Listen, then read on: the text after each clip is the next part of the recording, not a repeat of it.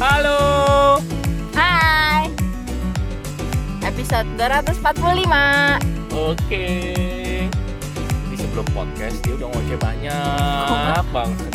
Kan gue bilang kan daripada dia ngoceh panjang-panjang daripada Lucy ngoceh panjang-panjang, udah kita tag rekaman aja. Udah jadi podcast tadi berapa menit. Kan? Gue sebel gue udah ngoceh panjang-panjang tau-tau dia dengan datarnya bilang ya udah tek rekaman. Ih nggak ditanggepin. Saya akan menanggapi di podcast. Awah. Kok biasanya au ah gelap, ini au ah doang. Karena lagi nggak gelap. Oh. Atau Kita kan biasanya cuman menyesuaikan dengan ah kan kondisi. memang biasanya au ah doang. Hah? Au ah Au, ah. gitu. Tanggal 31 Desember. Oke. Hari, Hari terakhir, di 2019. Iya. Gimana hari terakhir ini teman-teman mau ngapain? Tidur kah?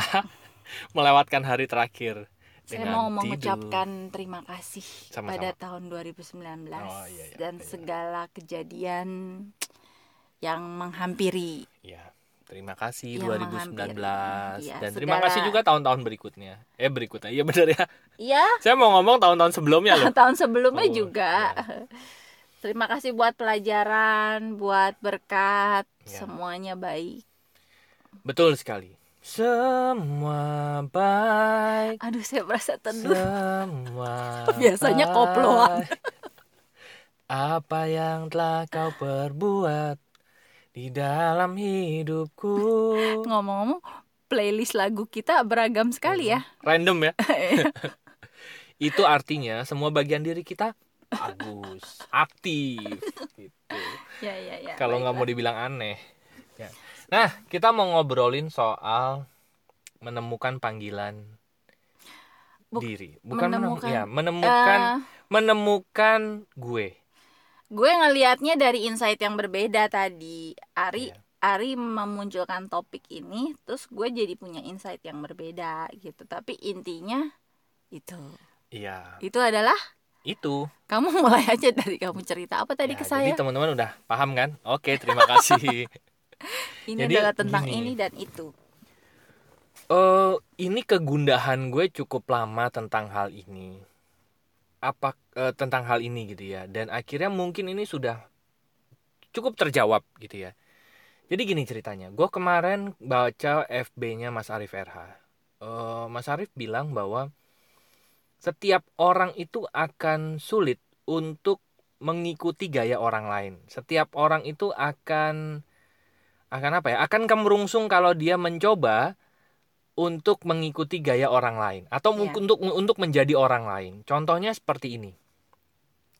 Ada orang yang kayaknya kalau diukur dari sisi kerja keras ya, dari sisi effortnya ya. Orang yang melihat kok dia si A ini nggak ngapa-ngapain bisa dapat duit sih gitu. Mm-mm. Kayaknya kok effortless banget gitu. Nah, sedangkan dia merasa dia untuk mendapatkan uang itu kayaknya perlu kerja keras gitu. Mm-mm. Nah, akhirnya dia mencoba menjadi si A. Mungkin dia akan ngobrol sama si A, bahkan dia mungkin sudah mengcopy sampai level rasa.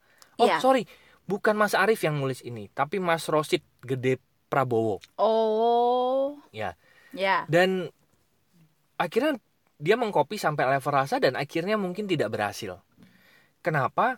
Kalau tanggapan gue adalah bahwa setiap orang itu punya panggilan jiwa masing-masing. Bahkan udah sampai level rasa tuh di kopinya. Iya, Yakin? dia sudah sampai level perasaan di kopi dalemannya gitu ya Masa sih? tapi akhirnya juga tidak berhasil kenapa karena menurut Mas Rosid dia bilang setiap tubuh setiap fisik itu punya struktur yang berbeda-beda dia punya eh, apa ya sel DNA yang beda-beda kan gua Iya. sama orang kita sama orang lain pun punya sel DNA yang berbeda-beda Mm-mm. gitu nah sebetulnya dia bilang Mm-mm. tugas kita dalam menjalani hidup adalah menemukan Menemukan panggilan jiwa kita masing-masing. Iya. Kita itu apa sebetulnya dan jalanilah itu dan lakukan itu dengan kesenangan yang sempurna gitu ya. Dan memang niatnya untuk eh, melayani banyak orang. Contoh aja. eh, di tulisan itu diceritakan gini. Seorang petani. Seorang petani akan merasa terintimidasi akan merasa bahwa dunia ini tidak adil kalau ngelihat misalnya pengusaha gitu ya. Iya. Petani harus nanam, harus panas-panasan, mungkin kehujanan untuk akhirnya dia mendapatkan uang dari hasil panenan. Belum lagi kalau kena hama, kena banjir segala macam gitu ya. Beda dengan misalnya seorang pengusaha yang berhasil dan dia kayaknya ngerasa si pengusaha ini lebih effortless daripada petani gitu ya. Nah, si petani berusaha untuk jadi seorang pengusaha gitu dan akhirnya nggak berhasil gitu.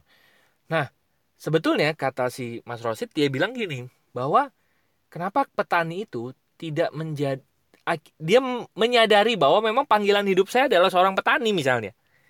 Tapi dia menjalani hari demi harinya, hari-hari demi hari sebagai petaninya itu dengan ya padi yang saya tanam ini akan berguna untuk santapan banyak orang.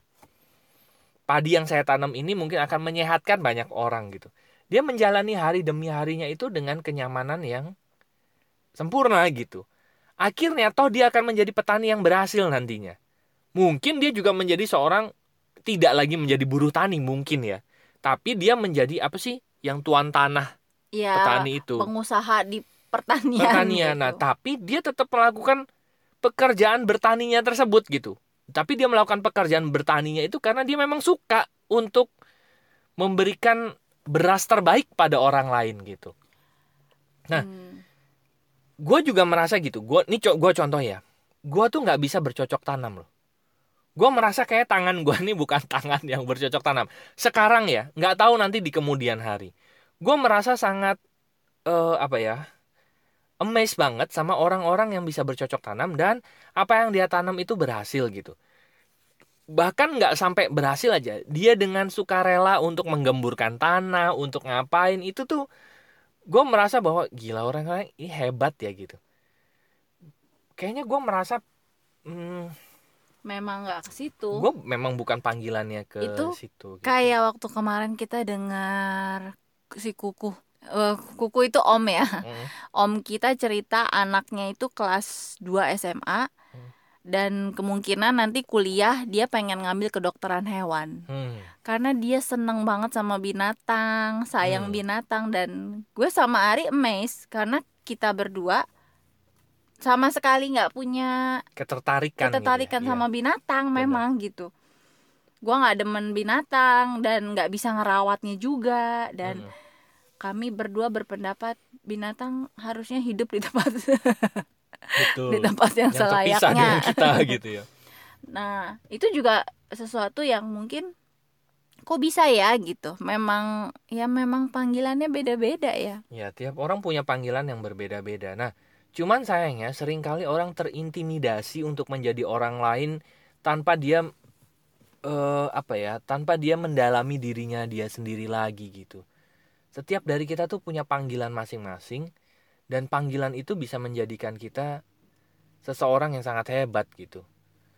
Itu kayak mungkin ya gua ngebayanginnya kayak orang iri ngelihat orang lain punya emas padahal sebenarnya dia punya emas tapi dia Iya. belum gali Betul. gitu dan Bahkan mungkin bisa jadi berlian. dan ya. sepanjang hidupnya dia cuma eh, sibuk dengan ngeliatin emasnya orang ih gila ya Mm-mm, dia punya ini dia punya itu padahal dia juga punya cuma Iya, belum betul. dia nggak pernah menyediakan waktu untuk menggali dan menemukan Betul, gitu betul. Dan setiap orang itu panggilan jiwanya unik-unik menurut gue. benar unik yang unik. tadi kata Rusi tadi kita punya eh, sepupu ya, Ya. yang mungkin bisa jadi panggilan jiwanya adalah ke hewan. Iya dia sayang binatang Iya, Dan itu dia bisa menjadi hebat loh luar biasa. Ada Iya. orang yang panggilan jiwanya melayani orang lain. Itu ada loh. Yang mungkin dia sangat menikmati untuk ber apa di sekeliling di sekeliling orang-orang yang mungkin nggak mampu gitu atau Iya. orang-orang jompo atau apa pun itu.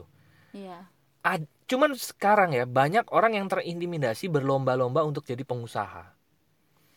Tapi nggak kenal esensi panggilan jiwanya dia. Kenapa dia jadi pengusaha? Mungkin hanya sekedar untuk jadi kaya, untuk pengen punya banyak uang. makanya gue tadi mempertanyakan masa sih bisa di copy sampai level rasa karena dia menjalani sesuatu yang panggilan jiwanya dengan yang bukan aja itu udah pasti rasanya beda Hmm, jadi kalau nggak tahu ya kalau gue sih masih berpikir pasti eh semua itu balik ke rasa kalau menurut gue. Rasa dan DNA mi. Kita mau kopi apa pun tapi kalau rasanya DNA itu juga berhubungan dengan rasa menurut gue. DNA kalau bisa berubah? bukan enggak. Oh, iya. maksudnya gini kalau panggilan jiwanya bukan ujung-ujungnya oh iya ujung-ujungnya dirasa, itu dirasa betul, betul. gitu kalau dia menjalani bukan panggilan jiwanya kayaknya Pasti rasanya nggak dapet iya, gitu betul pasti ada yang sedikit berbeda dengan orang yang Betul. memang panggilan jiwanya Bener. gitu bener jadi bener paling gampang filter untuk mengenali itu menurut gue rasa gitu betul semuanya Rasa udah di copy paste semuanya udah sama persis wajar. cek rasanya gitu Ya, ya, ya, betul. Ujungnya memang begitu ya. Dan dan itu di di di dunia yang sekarang ya, di dunia yang sekarang yang penuh dengan pertukaran informasi yang begitu cepat.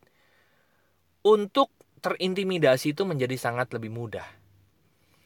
Karena info kita tuh udah overload informasi sekarang. Seringkali malah sering kali bah tapi sebaliknya juga bisa gitu. Lo bisa lo bisa ketemu dengan komunitas-komunitas yang sesuai dengan panggilan jiwa lo gitu. Cuman ya memang begitu ya. Yang tadi balik-balik lagi ya.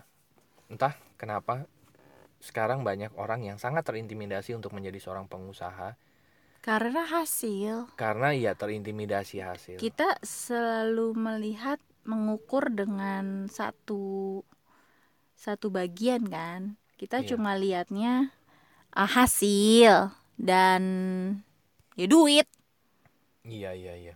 Bener bener bener. Karena sekarang ukurannya paling dianggap paling besar tuh itu ya. ya Iya iya. dan kemarin temen gue ada yang bilang gini kenapa sih orang eh maksudnya nggak usah lah repot-repot apa passion passion gitu yang penting lo nyari duit aja dulu gitu Hmm.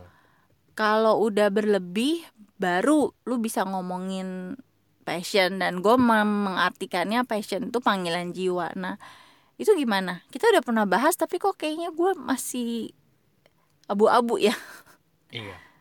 Menurut gue sih gini ya.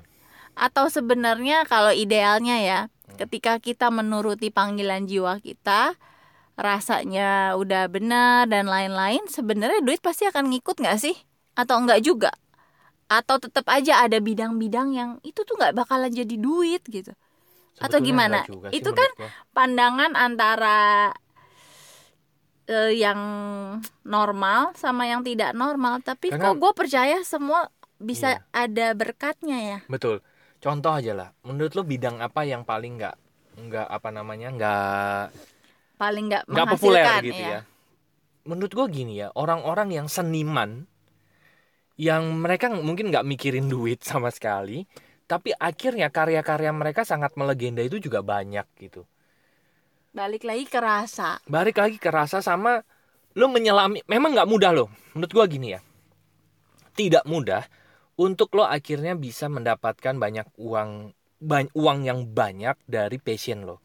Kenapa? Karena untuk akhirnya melakukan sesuai dengan panggilan jiwa lo bener-bener harus mendalami mendalami diri lo sampai dalam banget. Dan nggak semua orang akhirnya bisa masuk ke dalam dirinya begitu dalam gitu karena kalau dari pengalaman gue ya bisa jadi kita tuh terintimidasi sama eh, luar Mm-mm. jadi misalnya gue udah udah tahu nih misalnya panggilan jiwa gue ini Mm-mm. tapi dalam menjalaninya ternyata gue jadi tidak nyaman karena gue merasa eh gue harus menghasilkan duit dulu gitu Hmm. Dan akhirnya jadinya yang harusnya mungkin menjalani panggilan jiwanya rasanya nyaman dan lain-lain Iya. rasa berharga Iya. oh yang gue lakukan ini berharga loh Mm-mm. dan banyak apa ya ya rasa-rasa lain lah yang positif itu Iya. sebenarnya yang bisa mendatangkan hasil kan buat gue betul betul tapi karena gue sibuk mikirin kok ini kayaknya nggak ada duitnya ini kayaknya nggak ada harganya Iya, betul itu betul. akhirnya yang bikin gue ya. jadinya eh, Iya. eh, yang harusnya gue bisa jadi something di panggilan jiwa gue akhirnya Iya. jadi setengah-setengah. Betul. Nyari duit kagak panggilan jiwa kagak Betul. gitu. Betul. Makanya kalau menurut gua ya gimana solusinya? Solusinya adalah dua-duanya seimbang. Yang ini memang tentang eh, keseimbangan, Keseimbangan. kehidupan kan gitu. Ya. Lo punya duit dan lo jalanin passion lo gitu. Nah kecuali gini kecuali lo bener-bener eh, nggak apa-apa ya dengan uang yang seadanya aja dan lo tetap hidup di passion tadi. Balik-balik ke Mm-mm. tadi eh, apa namanya Rusi cerita. Pada saat lo jalanin passion lo lo tetap menganggap bahwa apa yang lo lakukan itu berharga lo seneng gitu. Nggak ada intimidasi intimidasi yang akhirnya bisa menyerang lo gitu. Mm-mm. it's okay. Nggak masalah juga. Kan ta- tadi balik-balik lagi ke rasanya gitu kan. Tapi kalau misalnya pada saat lo menjalani dan akhirnya ada perasaan-perasaan aduh kayaknya gue harus kayaknya gue nggak bisa kalau misalnya gue belum punya uang banyak misalnya gitu. Ya berarti lo harus bagian diri lo yang untuk narik uang juga perlu aktif kan gitu. Dan Ya. lo harus punya duit juga dari situ gitu. Dan akhirnya pada saat lo punya banyak duit atau lo punya passive income yang cukup misalnya gitu lo bisa menjalani passion lo dan perasaan lo kan lebih tenang. Yang diincar adalah perasaan itu sebetulnya kan. Mungkin mungkin. Mungkin na, lagi na, na, Berarti intinya- intinya apa? Pengendalian diri. Pengendalian diri. Intinya ya begitu. Ini intinya apa dulu nih? Yang kamu mau tanyain? Yang ada di dalam pikiranmu lebih tepatnya. Ya intinya antara passion dan nyari duit itu sebenarnya bisa berjalan seiringan gitu ya. Bisa aja. Selama banyak Selama- orang membenturkan soalnya. Betul. Selama yang lo lakuin itu tetap lo tuh nyaman, lo tuh tuh mera- merasa bahwa yang lo lakuin itu asik gitu. Itu akan mendatangkan yang tadi kayak kamu bilang tadi, yang menarik yang menarik keberkahan hadir itu kan karena setiap hari kita perasaan kita kan, kita Yang yang, dominan. pegang kendali kan terhadap hal itu. Cuman sering kali yang akhirnya membenturkan kenapa akhirnya passion gak ada uangnya adalah pada saat kita menjalaninya dan belum ada uang masuk baru tuh kita mulai ada perasaan yang gue jalanin bener nggak ya? Yang gue lakuin ini berharga nggak ya? Nah perasaan-perasaan itunya tuh yang akhirnya mensabotase sendiri sebetulnya. Menghilangkan rasa sukacita Iya. gitu ya damai rasa ya begitulah. Padahal Bener. itu yang mendatangkan hasil. Dan memang nggak mudah ya maksudnya karena menurut gue gini ya perjalanan orang sampai akhirnya dia menemukan kenyamanannya itu yang berbeda-beda. Betul sekali. Ada orang yang bilangnya yang penting gue punya duit dulu dan akhirnya nanti gue jalanin passion. Ya it's okay. Kalau misalnya pad- nanti pada saat dia menjalaninya dia menjalani dengan nyaman gitu. Gue sih nggak masalah gue jalanin passion terus aja gitu. Eh, duit nanti datang sendiri. Ya itu beliefnya dia ya udah jalanin aja. Setiap orang punya perjalanan sendiri-sendiri tapi ujungnya nanti dia bisa menemukan panggilan jiwanya dan panggilan jiwanya ini yang eh, bisa apa ya bisa bermanfaat bagi banyak orang juga. Banyak orang yang suka dari sana gitu. Jadi intinya kalau mau begitu begini. kita memang perlu lihatnya ke dalam. Tengoklah ke karena dalam. sering kali kita terus melihatnya keluar ya ter- ke sangat sebelah, terintimidasi gitu, ke kan depan, ke belakang. Padahal Betul. yang perlu dilihat ini sini loh dalam gitu. ya Jadi yang nyaman apa jadi ya bisa dibilang mm-mm, apa kurang-kurangin kurang-kurangin terintimidasi ya gimana ya? benar kita punya jauh di lubuk hati kita yang pak gue tuh siapa ya. Bronusa kalau nggak salah bilang di tulisannya bahwa jauh di dasar hati kita itu sudah tersimpan kitab suci yang Hmm. perlu kita baca sebetulnya Hmm. cuman sayangnya mungkin di dalam hatinya itu jauh sekali dalam sekali sering sering kali orang Tertumpuk. Ya sering kali orang udah mungkin kalau perjalanan itu 10 kilo baru satu kilo udah koknya gelap 9 kilo lagi kayaknya gua nggak tahu ke mana. Eh, nggak kelihatan gitu. Akhirnya dia berhenti pencarian ke kitab sucinya itu perjalanan ke barat. Atau mungkin malah akhirnya dia berbelok ke selatan. iya.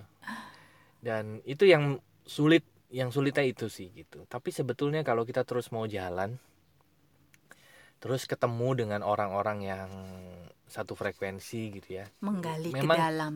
kalau terus kita berjalan gitu kan terus saja pasti akan ketemu dengan guru-guru yang mungkin akan bisa ngasih tahu kita oh pos selanjutnya itu di situ ada api di situ ada lampunya nyalain aja gitu. Ya. Dan akhirnya kita ketemu gitu. Oh iya ternyata panggilan jiwa gue ini ya gitu ternyata yang yang happy yang gue lakuin di dunia ini ini ternyata. Gitu.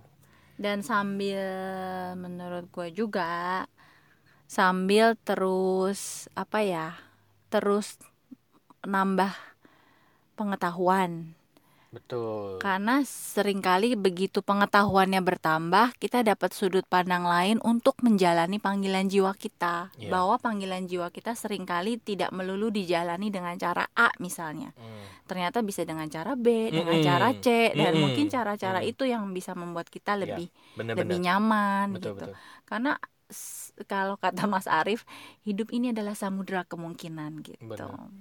betul sih betul betul jadi tugas kita tuh memang mencari ini ya jalan mana yang paling, paling nyaman. gue banget. Iya. Iya. Jalan dan gak ada yang benar salah. Betul gua sekali. melalui jalan A misalnya. Iya. Nggak dan Rusi melalui jalan Z. Nggak ya it's okay benar. juga gitu. Cuman sering kali yang nggak ada perlunya untuk mem- memperdebatkan jalan ini ya benar kan? ini Iya, salah betul. gitu. Ujung-ujungnya adalah kita eh, pada saat perjalanan itu banyak ego yang terlepas dan akhirnya kita ketemu diri kita yang ke- terbaik. terbaik gitu kan. Ujungnya nanti frekuensinya mirip-mirip. Sama bukan iya. mirip-mirip lagi malah. Sama identik gitu. Dan di ujungnya nanti kita udah nggak lagi memperdebatkan jalannya. Udah ketemu aja. Eh ketemu yang deh. penting kita nyambung. Iya kayak kita. Iya. walaupun jalannya belok-belok ujungnya untung. enak. Aduh ya. Ya. Nah mumpung nih 31 Desember 2019 sebenarnya sih ya kenapa mumpung 31 Desember ya? Oh Iya. momennya gitu ya. Momen. karena kan biasanya banyak orang menyukai momen.